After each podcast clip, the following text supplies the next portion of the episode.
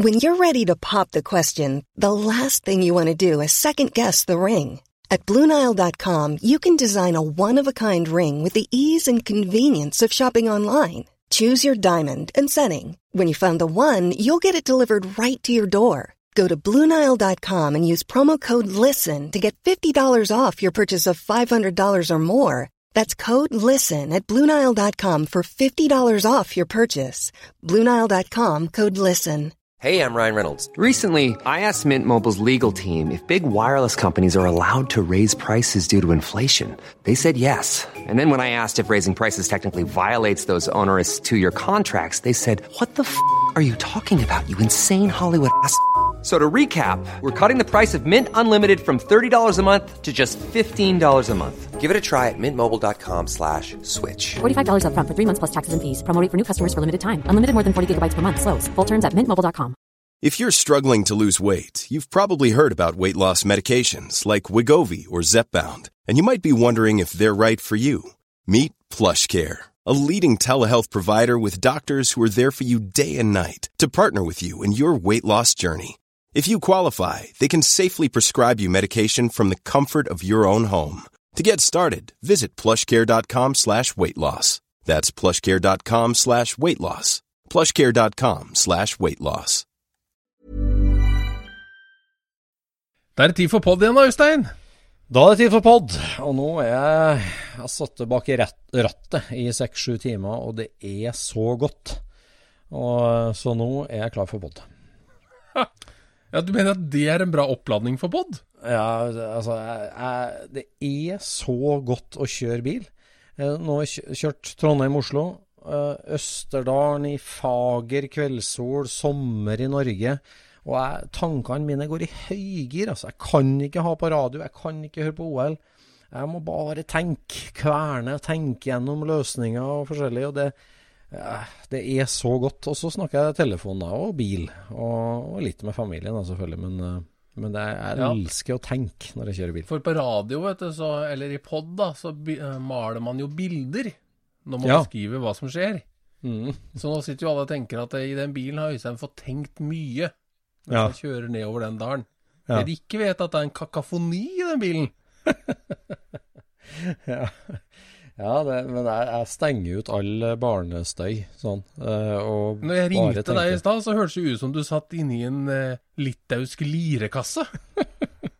Ja, det føltes faktisk litt sånn akkurat sånn, egentlig. Akkurat den følelsen. Du kjenner følelsen? Nei, jeg vet ikke helt, jeg. det er rett.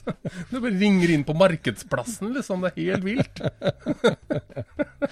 Men der sitter Nei. du og tenker. Nei, du har god og lang trening, Øystein. Ja, det, vet du. Nei, du, nå kjører vi pod. Ja, kom igjen, da. Du lytter nå til Scootspodden, en norsk podkast om klassisk bil med Jon Roar og Øystein.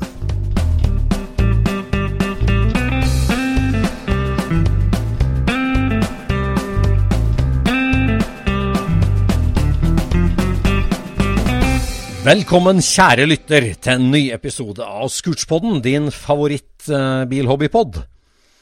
Vi har fått en del tilbakemeldinger, og eh, vi grubler jo stadig over det, Jon Roar, på hvordan eh, Når hører du på pod? Hvordan hører du på pod? Hva liker du med pod? Men som sagt, når jeg kjører bil, så eh, vil jeg helst ha ro. I hvert fall type støy jeg kan koble ut, sånn at jeg får, får tenkt og grubla og holdt i rattet.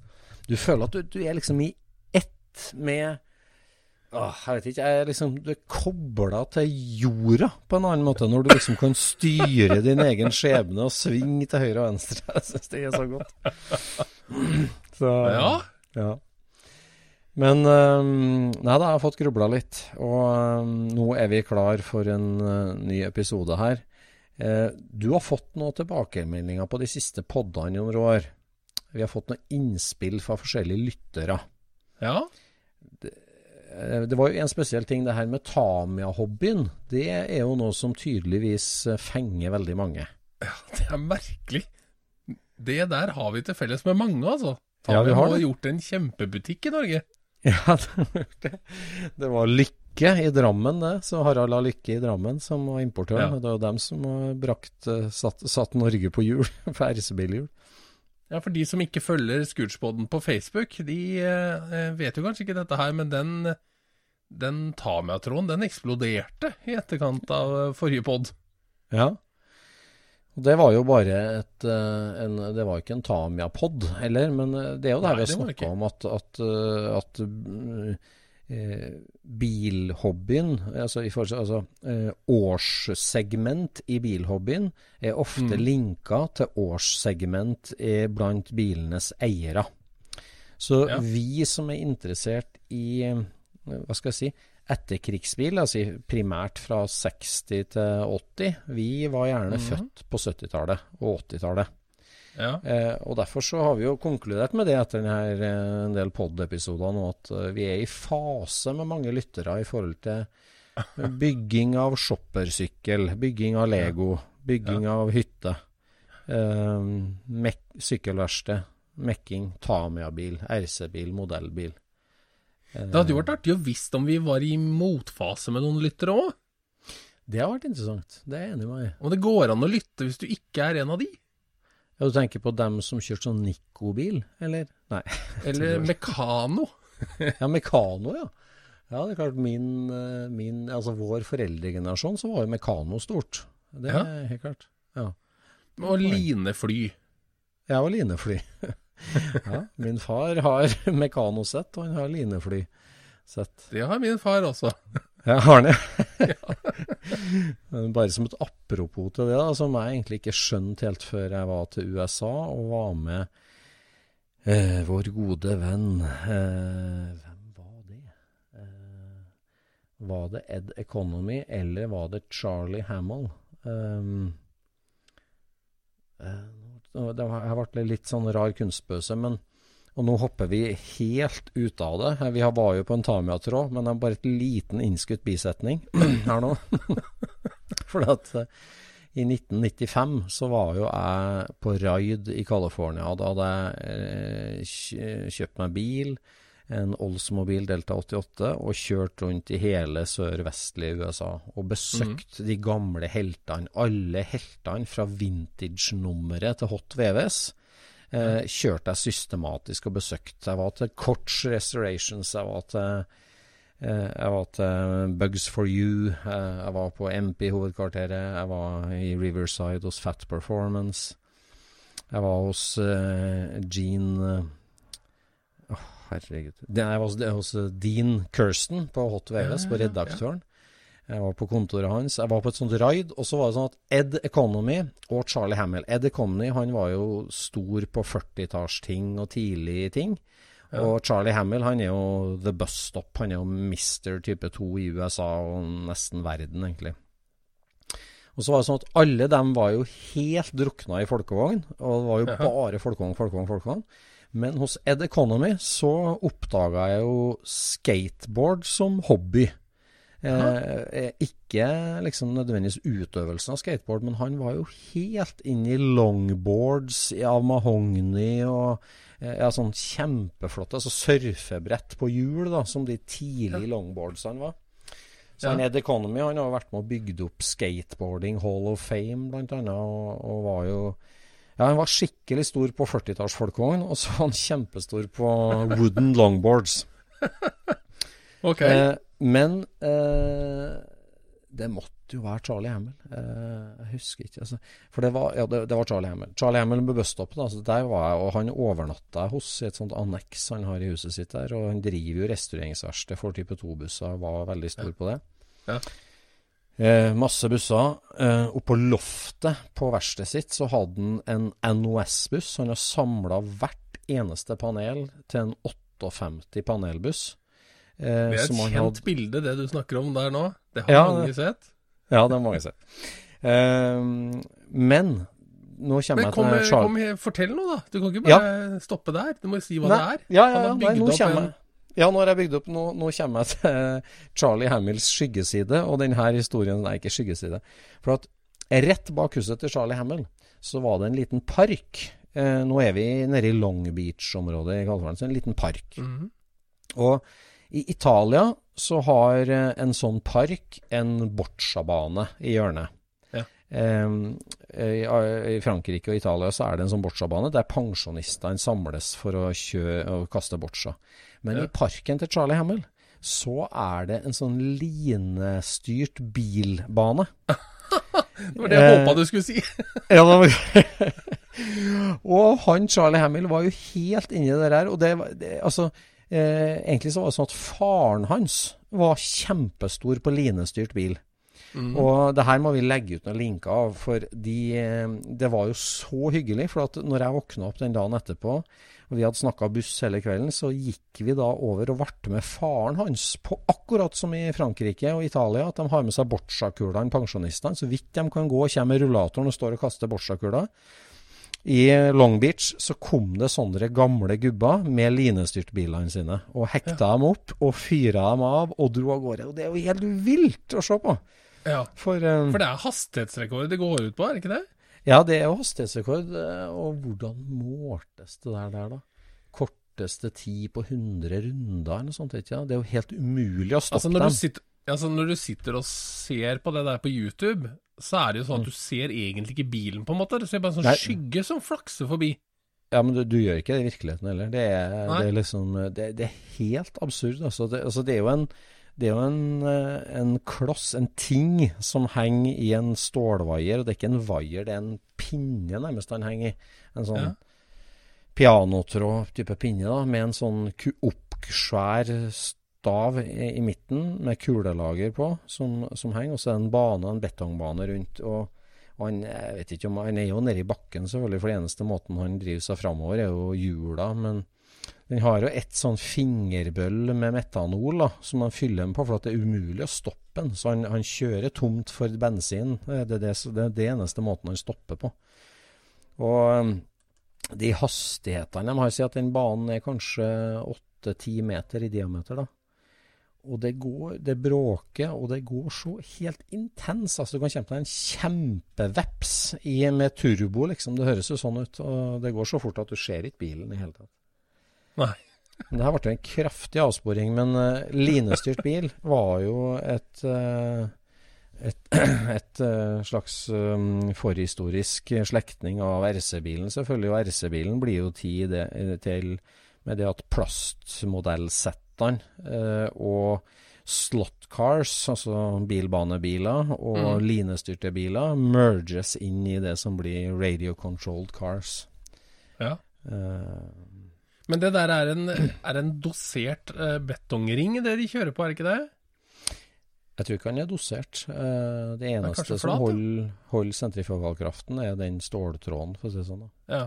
Men det er noe sånn gjerde eller et eller annet, sånn for at de, de er Ja. ikke Nei, hvis det der, der der jeg har sett, så... så er det jo en gjerde på, på utsida. For at det der hadde flaksa godt av gårde, det. altså. Ja, det er et sånn sikkerhetsgjerdenett. For det er klart, det der har dratt over til Orange County. Da, omtrent, om, det hadde, om en ryk nedi Men det, det- du, eh, det du eh, beskrev oppå på loftet hans der, over garasjen, Mm. hvor han har samla hver eneste panel til en 58 buss, Mm. og ikke satt de sammen, er det ikke sånn? Mm. Er, det, Ja, er det- ikke liksom bare stabla opp oppå der, så han har en hel bil på loftet? Har en hel bil på loftet. Det, det er bare ei trang trapp og en liten sånn loftsluke for å komme opp dit. eh, Så han har båret opp eh, NOS grålakkert hver eneste bit. Eh, Jeg tror det var Når jeg var der, så tror jeg det var tre biter han mangla. Men dem vet jeg at han har fått tak i senere tid. Så Ja. en, en helt, helt ny buss. Nei, Charlie Hamill kan vi snakke mye om. og han...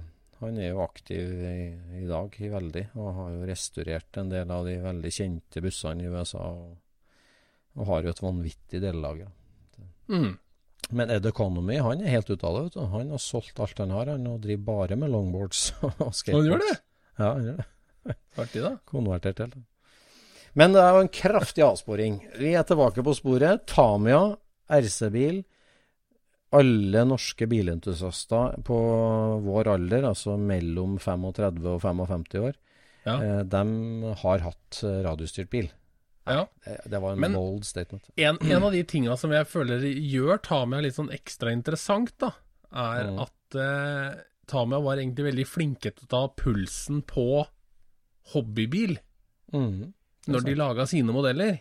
Det er sant. Så de var liksom, det virka som de omtrent uh, kjøpte blader og bygde den som sto på forsida, liksom. Mm. At de var veldig For at, du kan si at uh, de som ikke var der, som bygde litt kjipere biler uten alle de kule små klistremerkene og alle de små Casey Daylighters, eh, lyktebeskyttere og alt det greiene her, ikke sant? Mm. Mm. De mangler jo akkurat den der tingen som vi har så lett for å bli nostalgiske til. Mm. Den tida hvor bilene så Altså, de ser ut som vår barndom, Mm. ja. ikke sant? Det var sånn biler så ut, da. Mm. Det er sant. Og sånn ser Nei, må ta- ut. Så hver gang du ser bare en sånn boxcover-art, eh, eller hva heter det nå, box-art på, på de bilene, så bare sånn Wow, jeg husker hvordan det var å stå i den der leketyk lekebutikken i Sandefjord og se på dette her på hylla, Mm. liksom. Mm. Mm. Nei, det er sant. Altså, det, at, ja, det, det har ikke jeg tenkt over før, egentlig. Men de, de tok jo veldig pulsen fra, fra real life-bilhobby. Altså Funko SS1, som sto modell for uh, den, RB08, den eh, Rough Rideren, da, og, og Superchamp fra Tamia. Mm. Den, det er vel den Funko SS1 som er den første, liksom i hermetegn seriebygde rødramme-buggen i USA, Mm, eller mm. single seater racecaren. Det er jo en sånn ja, kopi fra en fra, som var veldig populær i offroading, og så kom Bayabobla, og så kom jo jo monstertruckene selvfølgelig når de ble populære i USA, og, Ja. og ja, hele det Baha 1000-miljøet med, med Ranger, for Ranger og alt det der. Så. ja. De, det, det, Men jeg tror sant. faktisk at det er lettere å bli nostalgisk til ting som hermer samtiden, eh, enn enn hvis du tar eksempel noen sånne Hot Wheels-biler, som var sånn fri fantasiting. Mm. De speiler på en måte veldig sjelden den tida de eh, oppstår i, da. Mm. Mens hvis du ser på sånn, eh, hva het den, Ed eh, Daddy Roth, de Mm. bygga der, liksom, der, der ser du på en måte på felga og dekka når de bilene er bygd. Ja, det gjør det. Ikke sant? Så, så sjøl om de er fri fantasi, så ser du på en måte at ja, det var sånn de trodde fremtiden så ut på 60-tallet, på en måte. Mm, Ikke sant? mm, Eller mm. 50-tallet. Mm. Så Det er noe kult der som daterer dem. Mm. Så klarer du faktisk å bygge bort eh, årstallet totalt, så tror jeg det er veldig vanskelig å være nostalgisk til bilen. Det er jo interessant når du følger med på den eh, Altså Tamia var jo en, en veldig markedsleder selvfølgelig i det segmentet. Og det, de første bilene som vi snakker om nå, dem, dem var jo kopier fra virkelige ting. Det, Mm. det var Lamborghini, og det var, det var Porschene selvfølgelig, og, og mye sånt. Kan du si. Men så, så sporer det jo der inn at egentlig RC-bilen eh, finner en slags egen form. Altså Ja. herre- en, en sånn buggy, da. 1-10-skala buggy, tohjulstrekker, firehjulstrekker. Altså Mm. hele den serien som hva skal jeg si, starte med, med Hotshot er vel en- egentlig, ja, ja. Mm, og Boomerang og, og, og, Avante og alle den serien som kom der. Som, det, er jo et sånt, det blir jo et eget uttrykk. Det, det, blir, det det. det, det, er liksom sånn du går fra rare sykler til dagens sykkel. Smekk, der var han. Der satt han. Og så har du 100 år med det. Og, og det er en sånn er single-seater måte- buggy. Der er det på en måte den funksjonen som tar fullstendig over, da. Ja, det er sant. Mm, det, Altså, en, en hotshot rundt en bane, det er jo Altså, den er jo helt uh, Den er jo en klasse for seg sjøl, hvis du sammenligner den med en frog eller med en lunsjboks eller noe annet ja, tohjulstrekk-greier, liksom. Ja. Så, så det er jo Plutselig så begynner det jo å funke liksom bedre enn bilen de er herma etter, på et vis. Ja, ja det er egentlig sånn. Det Ja, for det er klart at du, om du skal Altså, det finnes jo egentlig ikke en én-til-én-motpart til en hotshot, egentlig. Altså en, en sånn det tror jeg ikke. single seater vil vill Det har jeg i hvert fall aldri sett. Nei. Nei, så der, ja, der sporer RC-bilen ut og, og finner sin egen form, og, og siden har de jo vært sånn, egentlig. De er i hvert Ja. fall 1-10 elektrobiler. Det, Men det har faktisk aldri slått meg at jeg har lyst til å bygge min egen versjon av en uh, Hotshot 2, sånn som jeg hadde da. Mm. Det er Egen liksom- versjon, er altså jo ikke- 1-til-1-versjon. Ja, men jeg, jeg har jo ikke lyst til det. Liksom. Nei, nei, det har ikke lyst til Altså, den var jo kul å kjøre, men Mm. den ser jo ikke kul ut i forhold til de eldre. Nei, Jeg er enig. Men jeg må si at jeg elsker de her klistremerkelappene, eller de arka Ja. med, sånne, med de merkene på. Liksom Bell Ray og alle disse her små Ja. firmaene som du Ja. sånn, som guttunge bare sånn Ja, det er antageligvis bare noe de har funnet på, men det er jo ikke det. Nei, nei, nei. Det, det, det var jo hot veves en Dune Buggies. De bladde jo bare i det og kopierte alt de så, har jeg inntrykk av. på et, et Ja, ja. Så, nei, det der, det der var utrolig fin uh, periode, altså. Nei, det er klart, altså, jeg snakka om før, da. Min første bil var jo en Rough Rider. Eh, som er en modell av den Funko SS1-buggen. Som da Den Rough Rideren kom vel da i 1980. Når min far bestilte settet fra Tower Hobbies i Chicago, og jeg fikk Mm. en til jul det året jeg begynte på skolen. Det, det det gjorde inntrykk, altså. Den der metallbyggesettet der. Når vi bygde Mm. det i kjelleren der og, og fikk den på veien, det var helt uh, Altså, det, det der er jo sånn Altså, det er jo Reodor Felgen. Altså, det er jo Flåklypa igjen. At Mm. du, du liksom Altså, du drømmer om at du skal liksom kjøre en racerbil sjøl i gata som sjuåring. Det er jo like Mm. absurd som Reodor Felgen drømmer om å slå Blodstrupemoen på. Og, og, og, Ja, ja. Og at du liksom da begynner i kjellerstua første juledag og setter sammen og bygger og lakkerer og setter på klistremerker og bestemmer hvordan det skal se ut, hvilken farge skal jeg velge, eller, og så ut Ja. i gata og kjøre. Det, det, det er jo et eventyr der. Det er et eventyr. Det er snodig, vet du, fordi eh, jeg la jo ut bilde i den tråden av, av min hermetegn første fjernstyrte bil. Som den ikke var en. Kyosho eh, Graupner Renault A310, heter den det? 310. Ja, en Alpina, eller? Nei. Det er en Alpina 310. Ja. Mm, ja, Ja. ja. Mm, Uh, og den, uh, den bygde jo faren min mm. til seg sjøl, tror jeg. Men jeg var alibiet. ja, akkurat. Så jeg husker vi satt rundt uh, stuebordet og, og bygde den der, der sånn, da. ja. Og han mala og ordna, og den blei jo kjempefin. Det er veldig bra detaljer på den. Liksom. Det er lagt mye eh, energi i å få den her til å se ut som en ekte bil. Og Jeg husker når vi kjørte med den på stranda, liksom. Vi kjørte jo på eh, sanddyner og sånt, og den, og den henger jo voldsomt bakpå. Han er Ja, liksom veldig høy foran den bilen. Og så har den, Det som er kult med den, er at den har breie dekk både foran og bak. Ja. Den hadde liksom en sånn veldig eh, detaljerte dekk, så den har liksom disse bare langsgående riller i fordekka, kan du si, da. Ja. Og så har den litt sånn ja, paddledekk bak, mer eller mindre. Men den var helt bakpå, vet du. Og når du, ser den, når du ser på den bilen i dag, så tenker du at det er jo helt feil stuk på den bilen. Det slo meg aldri som guttunge, og jeg syns Åh. den var kjempetøff at han var høyere foran enn bak. så, Ja, det var ganske mange av de der som var litt sånn Jeg husker den eh, Altså den første 1-8 bensinbuggen som kom, Lupus. Eller Mm. en av de som sto i suksess. Det var jo dritangst. Den var sånn veldig baktung. Han hang sånn skikkelig Ja. bakpå. Den hadde jo noe veldig rart. Apropos rare drivoverføringer. Den hadde jo Du kan tenke deg boblebakstillinga, egentlig. Jeg vet ikke om du husker på den, Lupusen. Men det, det var en sånn Mm. Nei, vel, veldig tung, svær bil. Altså 1-8-skala metallbyggesett med feite rammevanger. Ja. Og en svær sånn Hvor stor var de motorene? da? Var de tre kubikk, eller? De, ja, Nei, det jeg vet jeg ikke. ikke. Nei, de første 1-8. Og den har altså Du kan tenke deg liksom boble-bakstillinga, så har du jo et, eh, et torsjonsfjær, og så har du noen slepearmer, og så sitter hjulene på de slepearmene.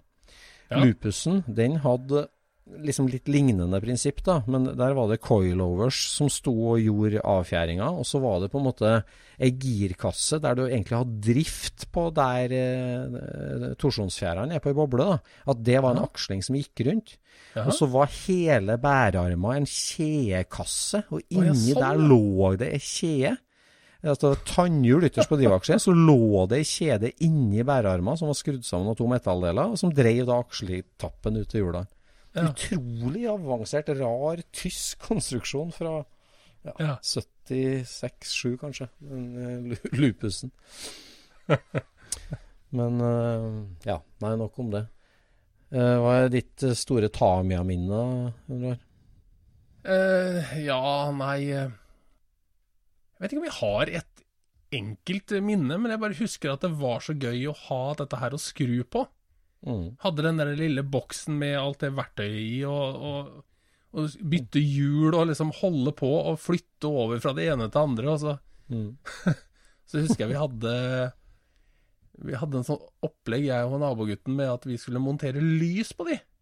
Ja. Så vi hadde, vi hadde gule lys foran, så hadde vi rød lys bak, så vi så hvilken vei bilen var eh, Så vi så hvilken vei bilen kjørte i mørket. ja, ja. Mye mørkekjøring, altså. Det var veldig, Vi hadde en stund så vi drev og kjørte mye mørke, og de, der, de pærene varte ikke lenge, for å si det sånn. Nei, akkurat. Gikk jo bare Nei. på, på huet, så var det jo knust, ikke sant. ja, ja. ja, ja, nei. Send oss mer om dine Tamia-minner og øh, ja, det rareste du har gjort, eller en, en slitsom krasj, eller en dyrt delinnkjøp. Det, Jeg husker jo det at jeg monterte 540 Technicold i en Hornet. ja, akkurat. Det var ikke noe suksess. Klarte ikke å komme ned innkjørselen engang. Det gikk bare rundt og rundt. Horneten har en slags verdensrekord i eh, prosentvis uavfreia vekt, tror jeg. Hele Ja. bakdelen på den henger jo på fjæra, vet du. Hele girkasse, motor og alt i en svær kladeis. Halve bilen. Ja, halve bilen uavfreia vekt. Så den eh, det er et bra stuk, ja. Ja, ja. Nei, 38 kroner kostet et kulelager, husker jeg. Til ho- eh, hotshot. Ja, hotshot. ja, ja, ja. Det var så mange som fikk hotshot til jul, og så skulle begynne å kjøpe kulelager. Jeg husker ikke Bytta ut det som var, vet du. Bytta det, det som var. Ja. Var bare å knuse Var det sparregrisen. 27 kulelager eller noe sånt i den til sammen, og så var det Ja, 38 ja. kroner stykket, husker jeg. Jeg kjøpte to og to og to og to og holdt på. Så, ja. Men du, apropos det. Eh, Ja. Vi fikk et innspill eh, fra en, eh, en lytter ja. som lurte på om du gjør deg til når, du, når vi kommer på et tema eh, Nei, som er, er litt. Som er litt sånn at, eh, at det er noe jeg vet, og så vet du liksom ingenting om det. Så lurer han på om, om du gjør deg til. Så sier jeg nei, han gjør seg ikke til. Nei, det vil jeg ikke ha på meg, at jeg faker noen reaksjoner. Det, det, it's all real. det er ikke noe, ikke noe sånn YouTube-moment-reaksjon, sånn tull. Nei, Hva tenkte han på da? Er det, mener han at det er analfabet på noen områder vi snakker om det, eller? Eh, Nei, men det var vel sånne, sånne småting når jeg eh, Jeg vet ikke, det er vel noen sånn mindre tekniske ting, da. Så sier jeg det at eh, for eh, Ja, men det er vel sånne cambervinkler eller altså et eller annet sånt, da. Hvor at du liksom eh, Jeg vet jo hva det er. liksom- Ja, du vet hva det er. du, du gjør ikke dette veldig lett, Øystein? Nei. Nei, altså, det, vi, vi, altså Vi kjenner hverandre godt, men vi har jo forskjellig profil. Sånn, vi, vi har en del Altså Jeg blir jo stadig overraska. Sånn, herregud, så mye om DTM-biler du vet. Eller liksom, du, du, plutselig så har du et tema som jeg egentlig ikke Jeg vet jo at du vet om det, men vi er jo forskjellige på en del ting, da. Jeg, jeg Ja, det må jeg si at vi er. Ja, så- Vi er jo nesten kompiser til tross. Nei, så, så det er klart at når du drar opp noe tema av hatten som er liksom litt gresk for meg, så jeg gjør meg ikke til, nei. Det gjør ikke jeg, men jeg spiller med så godt jeg kan. Jeg blir kanskje avslørt. For det jeg tenkte på i stad, vet du, når du snakka om at du hadde liksom reist rundt og besøkt alle disse menneskene i den første utgaven av Vintage eh, Ja. Eller var det det du sa? Ja, ja. ja. Så tenkte jeg det at eh, Tenk hvis du hadde fortsatt i den stilen der, Øystein. Hvor hadde du vært hen i dag? Fortsatt med å besøke folk, liksom? eller? Nei. Fortsatt være akkurat like på? Ja, jeg føler jeg har vært ganske på, egentlig. Ja. gjennom. Det var ironi. Du Ja, er ironi. sånn. Okay. ja. ja, jo, jo. Nei, nei, altså det er jo sånn med så Jeg snakka litt om det med at en del tema da, innen billobbyen. For at det er klart at skal du altså Det er jo eh, litt flåsete sayingen, men sport er ikke det at du må bruke 10 000 timer for å bli god? Ja. Er ikke det? Eller, ja. Ja, ja et eller annet sånt. Ja, et eller annet sånt. og, og sånn er det jo innen bilhobby nå. liksom at du, Det Mm. er jo begrensa hvor dypt du kan gå hvis du fortsatt skal være brei. For å si sånn. Mm. det, det, det er det, altså. Det går ikke. For det er altså historien Jeg skulle eh, jeg, stadig vekk så si at jeg, jeg må bli bedre på italiensk bil. Det er flaut å ikke kan Alfa Romeo-historien. Det er dritflaut å ikke skille en Bertone fra en Abarth. Liksom, jeg jeg syns det er så fælt at jeg ikke kan nok italiensk. Men Ja. Jeg klarer ikke å absorbere alt, liksom. Altså, sånn på det. det. Når du blir så nerd på en del ting, så, så fylles liksom bilkoden. ja, men det er sant, det. Altså, hvis du, hvis du interesserer deg voldsomt for én ting, så må du nesten velge å se litt bort ifra noen andre ting. Altså, du, altså, og det er jo ikke egentlig det at du ikke vet det, det er bare at du vet ikke til den grad. Nei. Ikke sant? Altså, hvis du, hvis du er veldig god på noe, da, Mm. så si, at, si, si du er på liksom sånn Du har Hva skal man kalle det, da? Så prosent funker jo ikke der, men, eh, men si at du er på sånn eh, seks års studie på én ting. Mm. Så har du liksom innsikt. Du har lest brosjyra på faget ved sida. Mm. ja, ja. Men du har bare lest brosjyra òg, så du vet hva det er. Mm. Men, men de, du blir bare bedømt, ikke sant. Å ja, han vet ingenting om det, i forhold til den forrige temaet, ikke sant. Mm. Mm.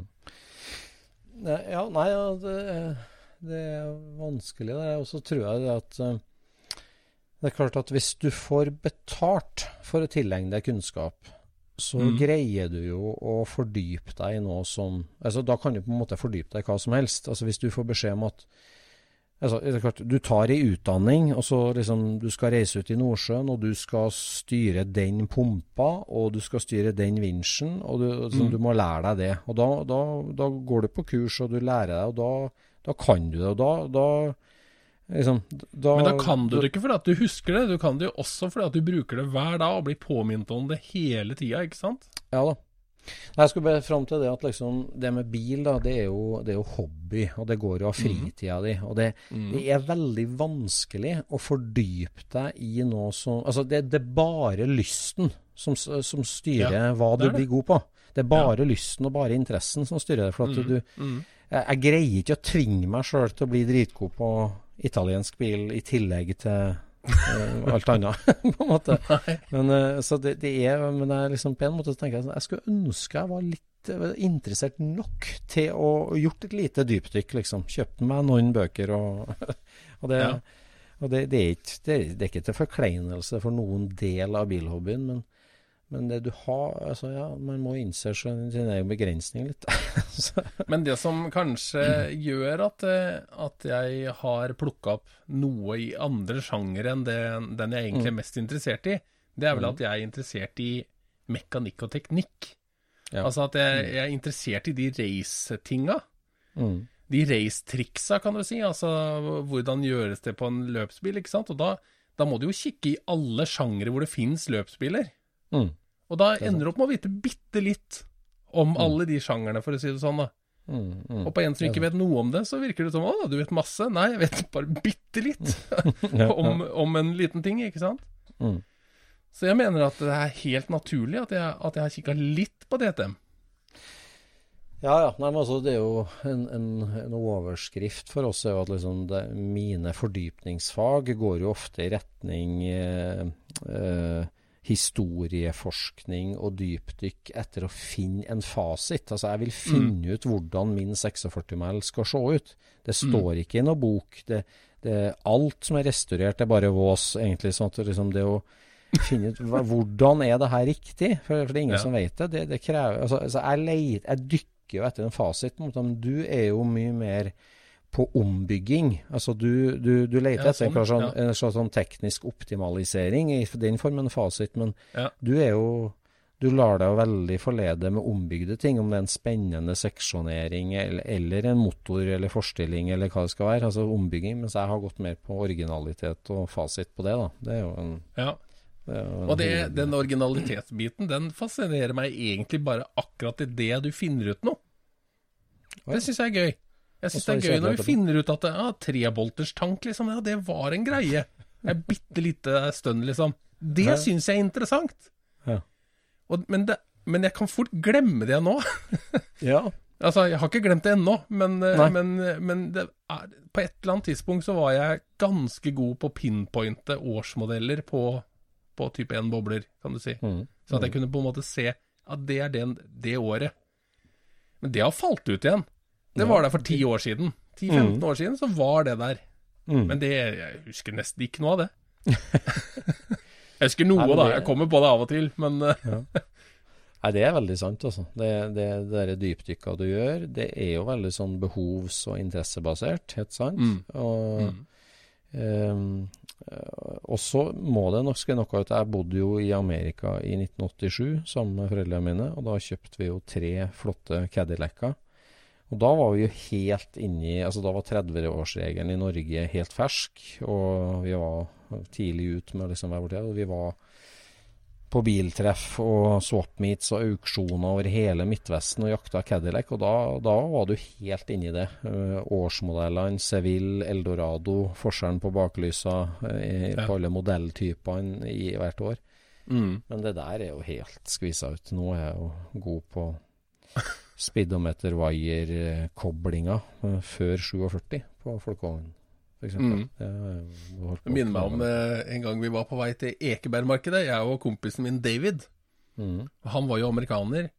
Mm. Så sitter vi og så kjører Den gangen så kjørte man jo opp fra eh, Er det en Ja, du kjørte opp på utsida av Ekeberg, ikke sant? Du kom ikke den andre veien over. Du var på vei opp bakken. Mm. Satt vi der, og så satt vi og kikka på en Cadillac foran oss. Mm. Og den hadde eh, Baklysa var sånne høye eh, som satt bakerst på hver finne. Men dette var en sånn firkanta En sånn skarp, eh, firkanta bil. Mm. Eh, og så var, så var det delt. I midten av baklyset så var det delt. Så det var en, liksom en, en karosseribit som liksom gikk ned over midten av baklyset på, på hver side. Mm. Og så Og den har skikkelig forseggjort. Mm. Sier, "Faen, Det var, en kul Cadillac, sier jeg. Mm. Ja, det er custom, sier han. han sier David. Ja. Ja, da er jeg imponert, hvis det der er custom, for det der er mye jobb å få til det der. Mm. Ja, det var custom. Og så Så tok det jo lang tid før jeg noen gang så en sånn bil igjen. Ja. Er det, er det en 67, tru? Lurer på om det er det det er. Jeg tror jeg ville sagt det var 66 ut ifra det du skriver, men Det Ja, kanskje det? Nå sa Jeg husker ikke, jeg sjekka dette for veldig lenge siden, men, men de er sånn.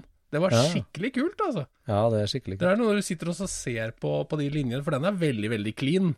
Ja, Og så har den den der, de baklysa som er liksom delt på i Midten, i senter der. Mm. Stilig. Ja, stilig. Men det er jo sånn, når du sitter og ser på det, så bare ja, ja, hvis det er custom, så er det bra gjort, altså. Nei, en ting som jeg virkelig prøver nå å lære meg å få inn i hodet, det er jo nyere Porsche 911. Og det, åh, det jeg, jeg føler meg så dum, for jeg klarer liksom ikke å lære meg. Jeg klarer ikke å, å, å få inn 991, 993, 991, 932, 997 Alt det greiene der. Jeg, åh, jeg, Nå sitter du og brifer, jo. Nei, jeg vet jo ikke forskjell på det. Jeg vet at det finnes, men jeg aner ikke når de kom med årsmodeller, og det er ikke noe logikk for meg. For at eh, det er jo For meg er det jo jeg kommer, altså, Porsche var jo systematisk konstruksjonsbyrå. Tegning, konstruksjon nummer én. Ikke? Vinsjen var nummer 73, og bilen var nummer 3050, 356. Og traktoren var 14. Og, eller, Ja, det ja. var jo en logikk, en kronologisk logikk i det, men det er jo ikke det Ja. heller nå. Så jeg, jeg, det, det, det vil jeg lære meg, det må jeg lære meg, det er jeg interessert i å lære meg, men jeg klarer ikke å lære meg. Så jeg vet ikke hva jeg skal dytte ut. Jeg vurderer mellom uh, Hallibrand-felger og Hallibrand Quick Change bak enda. Kompetansen på det, om den kanskje må gå ut eh, Ja. til fordel for nye ja, kanskje det, ja. Mm. Men vet ikke du ganske mye om sånne utskjærte skap og da? Sånne hjørneskap som du kunne kanskje dytta ut? Jo, Nei, der er jeg stadig på Finn og gjør noe innkjøp, så. Så det, jeg kan ikke, kan ikke dytte det utafor bordkanten ennå. Ok, ok. Nei, men altså, det der er et stadig tilbakevendende um, tema på jobb, og det der. Vi har en kollega som er eh, Som lurer fælt på Porsche. Prøver liksom altså å finne ut av hva det her alle disse numra betyr. Ja, ok. Og jeg vet jo sånn cirka hva det betyr, men jeg kan jo ikke hele ramsa, ikke sant? For det er jo 964, liksom. Er det en modell, eller er det karosseritype? Eller hva er det egentlig? Ja. Og jeg blir jo litt svar skyldig. ja, du blir litt svarskyldig skyldig, vet du. Ja. For jeg vet jo hva en 996 er, og en 997, og altså hva som er vannkjølt, og hva som ikke er vannkjølt. Altså, de tinga vet jeg, men å forklare dette her er jo bortimot umulig. Ja, Det er det- det- C2 og C4 og det er, det er så mye. Ja, det er det. Og så er det sånn Det er ikke helt right up my alley. Altså det, det, det blir ikke en sånn bil med det første. Det gjør jo ikke det.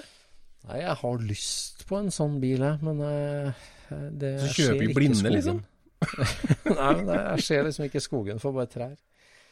Og så En annen ting er jo at eh, de, jeg vet ikke om de har blitt mindre, eller hva det er. Altså, men altså, jeg og du, vi er jo to svære, tjukke mannfolk som eh, eh, Nå skulle du sagt 'snakk for deg sjøl', men det sa ikke det.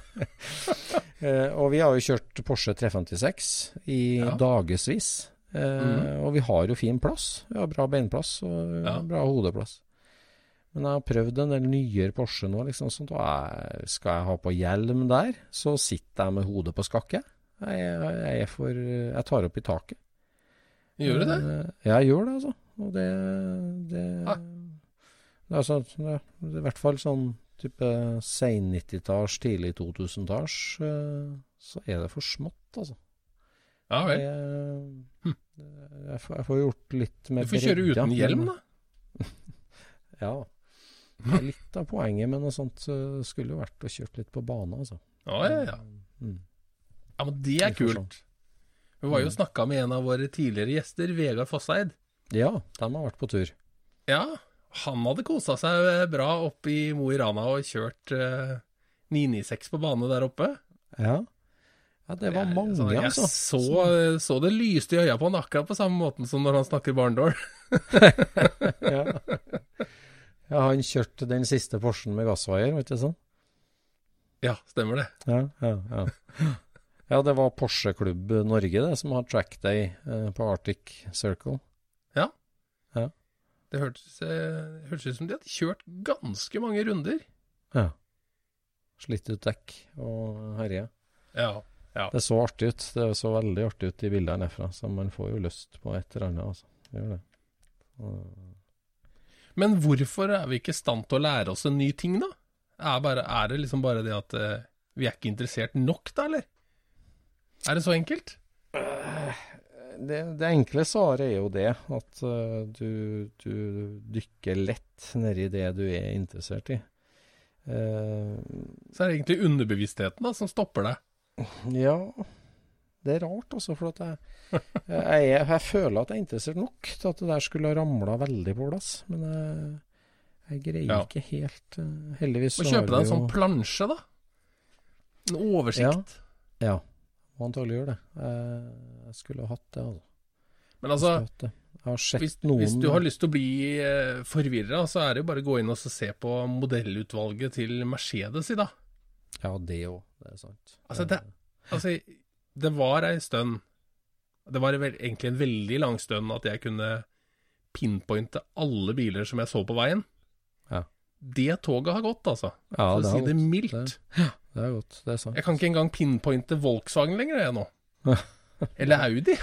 Nei, det er Og i hvert fall ikke Mercedes. Nei. Nei, det er veldig mange varianter, av det helt sant. Ja. Så. Men apropos varianter, da, et tema som vi har snakka om litt før, det er jo det her med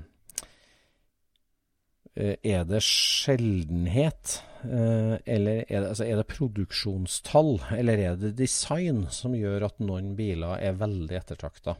Eh, Mm. Der har jeg fått litt perspektiv på noe, for nå har jeg vært i trivelige Trøndelag og vært eh, som min far har jeg jo snakka om før, som, eh, som har ei veldig hyggelig bilsamling. Og der har vi dratt fram et nytt prosjekt nå fra, fra garasjen, eller fra låven, som har sett dagslys to ganger siden 1970. Eh, Og nå siste gang da nå i går, eller en par dager siden, når vi dro ut hans eh, 32-modell Ford V8 Victoria. Og Victoria er jo en karosserivariant eh, av 32 Ford, som er vel liksom den nest eller tredje minste produserte i antall. Det er en veldig sjelden Men fortsatt en USA-bil. Ja, altså det, Ja. det er en USA-bil. Den er satt sammen i Canada, men den er, den er helt lik USA-bilen. Jaha, Eh, det er er, det derfor den heter Victoria? Nei, det er bare at eh, Victoria ble produsert både i USA og Canada. Okay. Men på to forskjellige assembly plants da, på hver Ja. eh, Hva heter elva? River Rouge? Nei, det heter det ikke. Uh, ja, Uh, de hadde jo uh, sammenstillingsfabrikk der òg. Så Mhm. Victoriaen er en det er en veldig ettertrakta variant av 32 Ford. Mm Mhm. Den er produsert i veldig lavt antall, sjelden. eh, veldig ettertrakta. Eh, høyt priser for så vidt ja, i forhold til en, en vanlig Tudor, men det er jo veldig lite som skiller den fra en vanlig Tudor, egentlig. Den er, Har den ikke på en måte litt sånn rumpe, da, på et eller annet vis? Jo, altså det er jo en slags blanding mellom en femvinduskupé og en Tudor. Eh, ja, det er jo egentlig akkurat det det er. At du har, du har tatt en, en todør, todørs fire, fireseter sedan og Ja. dratt fram bakvinduet. Eh, ja, kan det være 20 cm, da?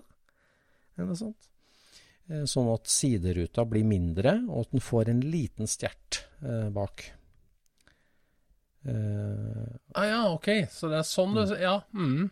Da skjønner jeg hva du mener. Jeg tenkte Mm. motsatt jeg nå, at du hadde på en måte tatt en, eh, en femvindus og dratt bakvekken på hytta.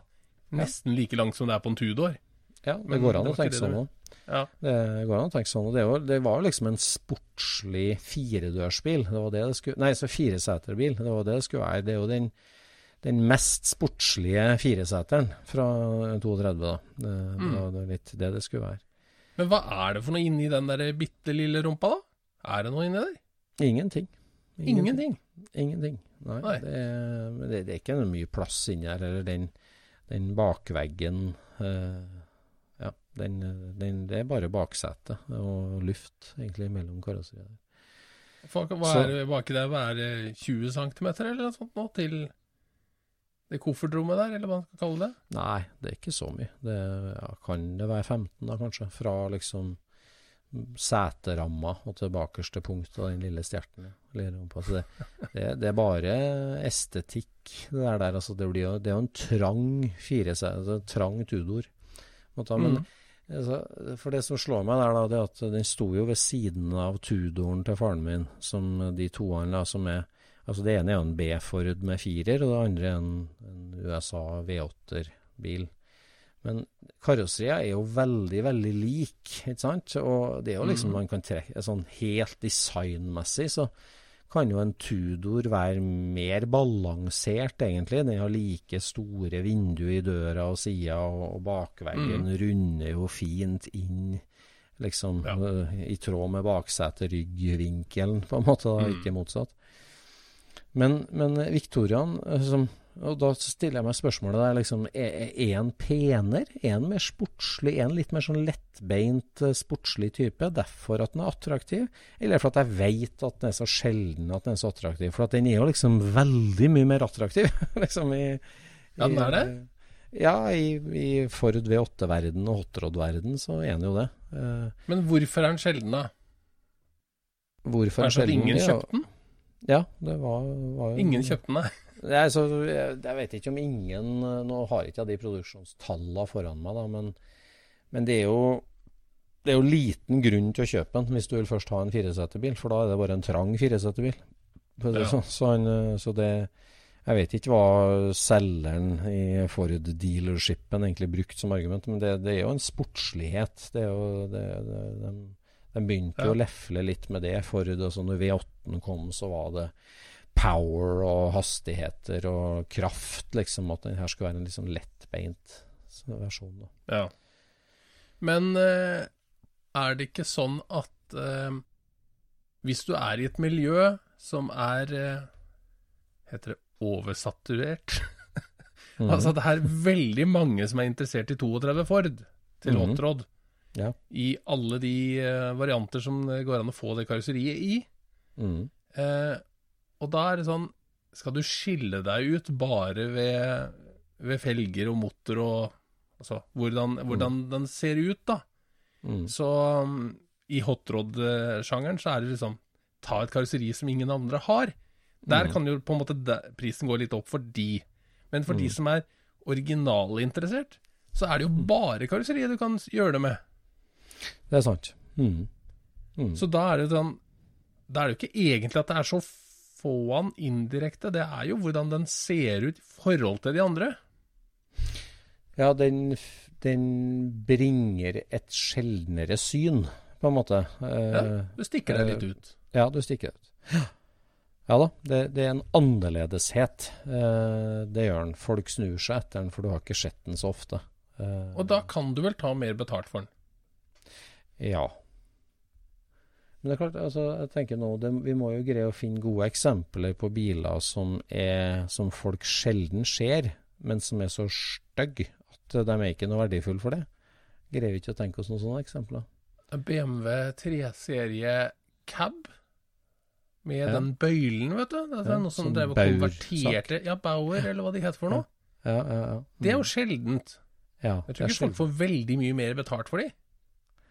Nei, for at de er litt rar, ja, på en måte.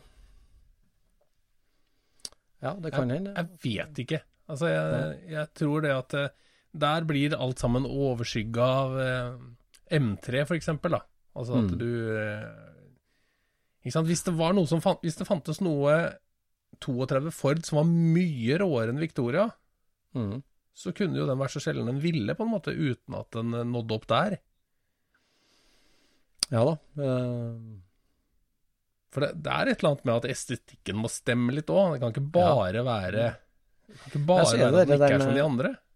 Og så er det det spørsmålet som jeg stiller meg ofte. Er det sånn at eh, det bare for at vi er så vant til å se synet, og for at det er så lett å få tak i, så, så er en eh, Altså, ta i folkevognverdenen, da, der du har 15 millioner bobler som er produsert. En form og en type som alle kjenner. Eller nei, 15? 21? er? Nei, 21. ikke. Ja. 21. Ja, eh, 15 år til for nå, ikke 14,7 eller. Ja. Uh, bobler, som er lagd så veldig mange. Og så ble det jo lagd da den toseters kabriolet-versjonen, roadster-versjonen, som ble lagd av Hebmüller mellom 49 og 1950. 796 biler bygd. Mm. Um, og liksom Ei pen og grei boble kan koste 25 000, og en Hebmiller koster 2,5 millioner.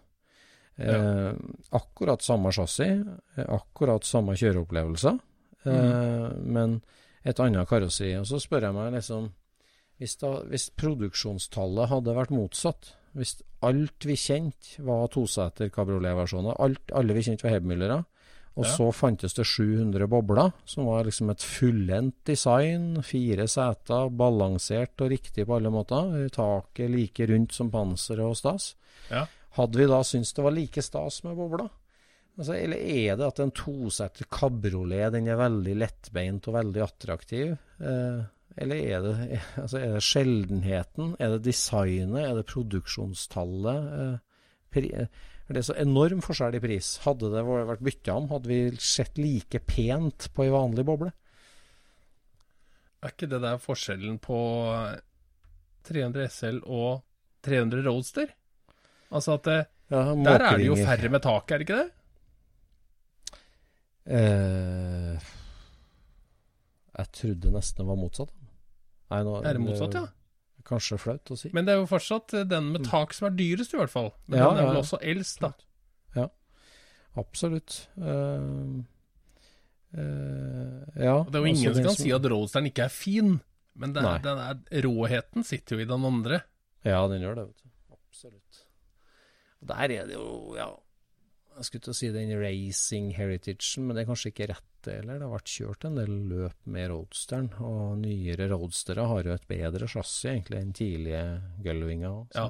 Ja, det har jo det. Så, Nei, det er rart det der, altså. Men det er, det er Nei, det blir vanskelig. Men, det, men hvis, hvis eh, altså akkurat bobla, når den er eh, den helt vanlige som vi alle sammen kjenner, så er jo den bare en mer praktisk bil. Mm. Hvis alle kjørte rundt i roadster, liksom, så, Mm. Så ser jeg jo for meg at det hadde vært Hemmel-kupeen som hadde vært eh, samlerbilen. Mm. Altså et toseters tak, liksom. At det, at det fantes en, eh, en minibussutgave. Mm. Det er liksom sånn, ja Store samlere hadde jo selvfølgelig hatt en sånn, men de hadde jo ikke betalt 2,5 millioner for det. Nei. Ja, det, det er rart det der med Altså en, en bil, eh, uten at jeg vet helt hvordan vi skal sammenligne, men en bil som vi har snakka en del opp, da, om før, det er jo den Audi 100 kupeen som kom i mm. ja, 68, kanskje? Eller? Ja. Da kom den? Audi 100 kupeen. Det er jo en bil som er mm, Den er sjelden, og den er egentlig kjempepen. Eh, Ja. veldig fint design på den bilen. Eh, men er jo fortsatt en rimelig bil, egentlig. Det, det, det er ikke noe sånn altså Uten at jeg har fulgt med prisene så veldig sånn, men så blir jeg stadig overraska at jøss, veldig mange folk liker Audi. Eh, det er mange Audi-entusiaster. Og her er jo en litt Ja. sånn eh, enhjørning i Audi-miljøet. Den er også pen, men eh, den er sånn som moderat. Men liksom. er ikke det en Audi fra før Audi blei noe å ha? Altså, eller før det blei liksom oppvakt i, i folket? Det er sant, ja. Det, Det begynte vel med urquatroen, det var vel da folk fikk Ja. øya opp for Audi? Det er egentlig sant. Det er egentlig sant. Så det er vel den derre er- teknikken, altså den eh, motoren og femsylindera og firehjulstrekken og alle de tinga der som Mm. var begynnelsen på hyping av Audi. Før det så var det jo bare en bil for haringer. Ja, det er faktisk et veldig godt poeng der. For at eh, det er sånn som i hvert fall oss som er litt sånn vag eh, folkevogn, Audi, Porsche, og sånn, så har det liksom irritert meg at det ikke finnes mer ordentlig Mercedes-utfordrere i tidlig Audi-verden. Det Altså, du snakker etterkrigs, da. Førkrigs blir noe helt annet. Men, men eh, etter, etterkrigs så er det liksom Der er det liksom Det er, det det er liksom DKV og NSU og litt rart. Og så, og så Nei, det er stygt å si. Nå tråkker hun noen på tærne. Det skal jeg ikke gjøre. Det er ikke det at Det det, er er så innmari, innmari rart, det er bare at det, det var jo en grom bil, kan du si, men, men den hadde jo ikke noen masseappell. Nei. Det, er liksom sånn, du, det var ikke noe statement å komme i en Audi, på en måte. Det var jo bare en sånn Nei. Ja, han kjører en bra tysk bil, Ja. men, Mm. men han har valgt en av de andre. Altså, Det var ikke Mercedes, ikke Opel. Eller Ford. han har på en måte valgt den desserten som ingen tar. ikke sant? Som- Men som fortsatt er på menyen. Det er rart, jeg har litt tenkt det. Men det, det er helt sant, det er det. Altså. Det er et vannskille, rett og slett, der i når urkvatroen og, der er jo altså det med motorsport. Det som Audi gjør der. Så det er Carol Shelby, det. Race on Sunday, sell on Monday. Det har, Ja. det, du plasserer deg i et helt annet segment, altså. Med en gang. Men jeg er ganske sikker på at det tok ganske mange år før vanlige folk i gata skjønte at eh, det du så eh, på TV, på Mm. Sportsrevyen, mm, var noe à la det du fikk kjøpt i butikken. Altså at det ikke var Sånn som Martin Skanke, da, når han kjørte Mm. gris på TV, så visste alle sammen at det der er jo ikke en bil du får kjøpt. Nei. Mens når Ole Arnesen Nei, altså- kjørte Urquatro der, sånn, så var jo det faktisk en Mm. variant av en du fikk kjøpt. Det var firehjulstrekk, og det, var, altså det, det fungerte jo, det Quatro-systemet, på den måten som de brukte Ja. det. Det er sant. Sjøl om ikke hestene var der, da. Ja, men altså, effekten Altså, alle vi ungene visste jo hva en Ford Escort var. På en måte så vil jo tro at hvis, Mm. valget sto mellom en Opel Ascona og en Ford Escort i verste Martin Skanke-tida, så solgte jo Ford av at motorsportstempelet der, da? Altså Ja da. at eh, Ja da. Det, det, det, det, det, det var et utstilling så altså, Hva gjorde Petter Solberg for Subaru-salget i Norge, f.eks.? Subaru var jo helt altså Snakk om den sære desserten ingen tok. Altså Tidlig Subaru på, ja, fra Japan, ja, ja. det var jo helt out there. Det må jeg bare si. Altså Onkelen min, onkel Gunnar, han kjørte Subaru, det var noe av det rareste. Det var skikkelig rar, altså.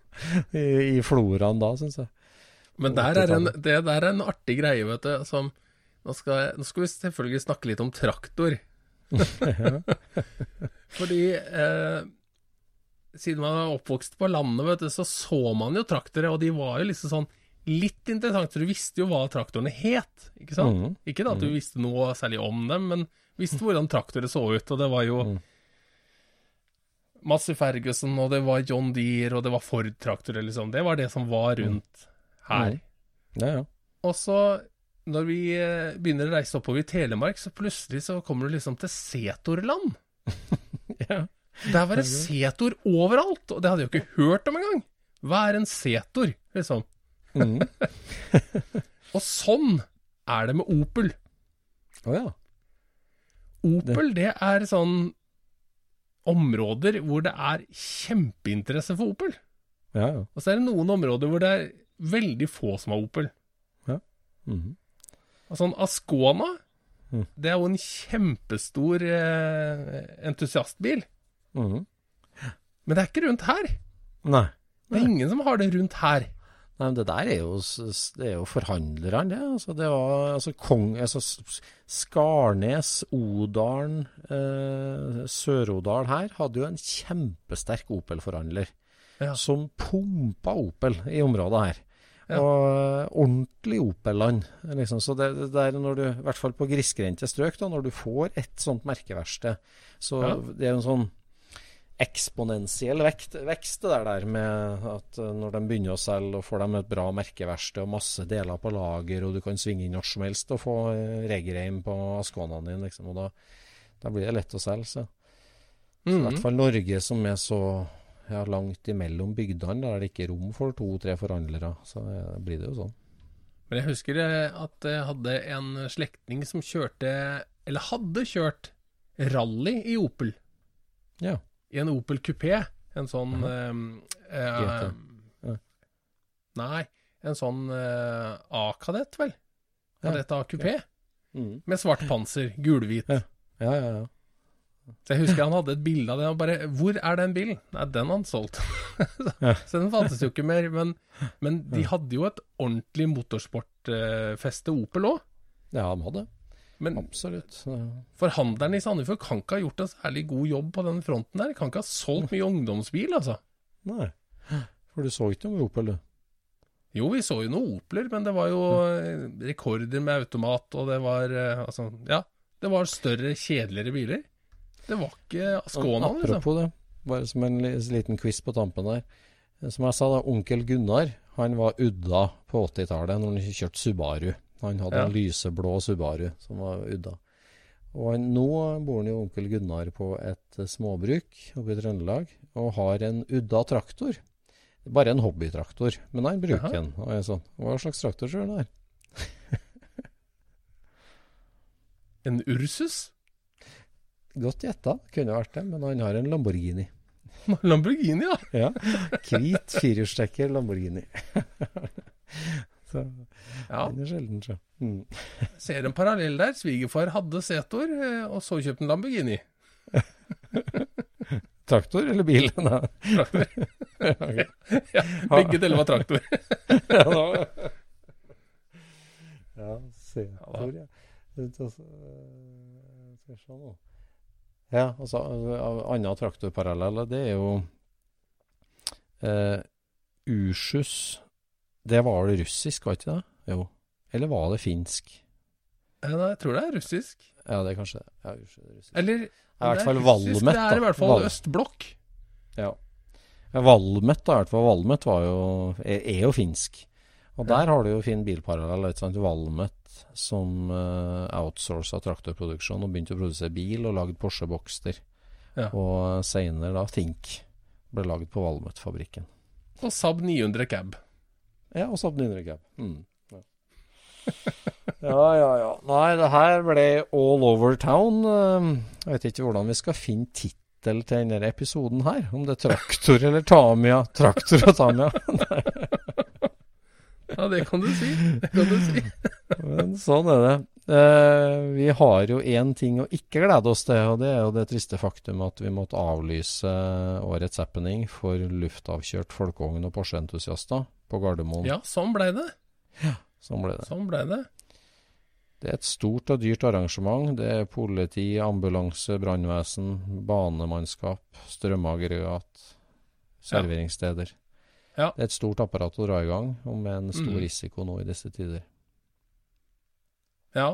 Og vi nådde ikke helt opp der når vi, eh, når vi hadde en runde med hatten i forkant. Nei. Så um, vi tar nye tak for neste år. Nye tak for neste år. Og da er det ingen begrensninger og full gass. Ja. Det, det, Det helt føles bedre å, å ønske velkommen til det også. Ja, Det vil være mye lettere å ha sove godt om natta med det. ja. ja. ja og det skjer jo nå. Strammes jo grepet igjen, og det blir litt tightere. Så det, kunne, det kan hende at om vi hadde kjørt videre en par uker til nå, så hadde det kanskje stoppa seg sjøl opp. Og Ja, andre tiltak. Det kunne ha skjedd. Så det gleder vi oss til 2022. Send oss en melding om hva du skal stille på Gardermoen med av luftavkjørt kjøretøy i 2022. Ja. Sånn går det. Scootspoden er ved veis ende med dagens episode. Det er midt på sommeren i Norge, og det er mange hobbybildager igjen å kjøre. Jeg har kjørt for lite hobbybil så langt i sommer, så jeg skal ta meg på tak nå. ja. Jeg skal Ja. begynne å skru litt, hadde jeg tenkt. Ja. Hvis det blir noen ledige stunder. Takk for i kveld. Vi prates. Ha det bra. Scootspodden produseres av SSC Media, med god hjelp av VV Norge og Trond Dahl for hosting, Knut Micaelsen for musikk. Abonner på Scootspod via podcaster eller Acast, og følg Scootspod på Instagram og se det vi snakker om. Der kan du også komme med kommentarer og innspill, og fortelle oss hva du vil høre om.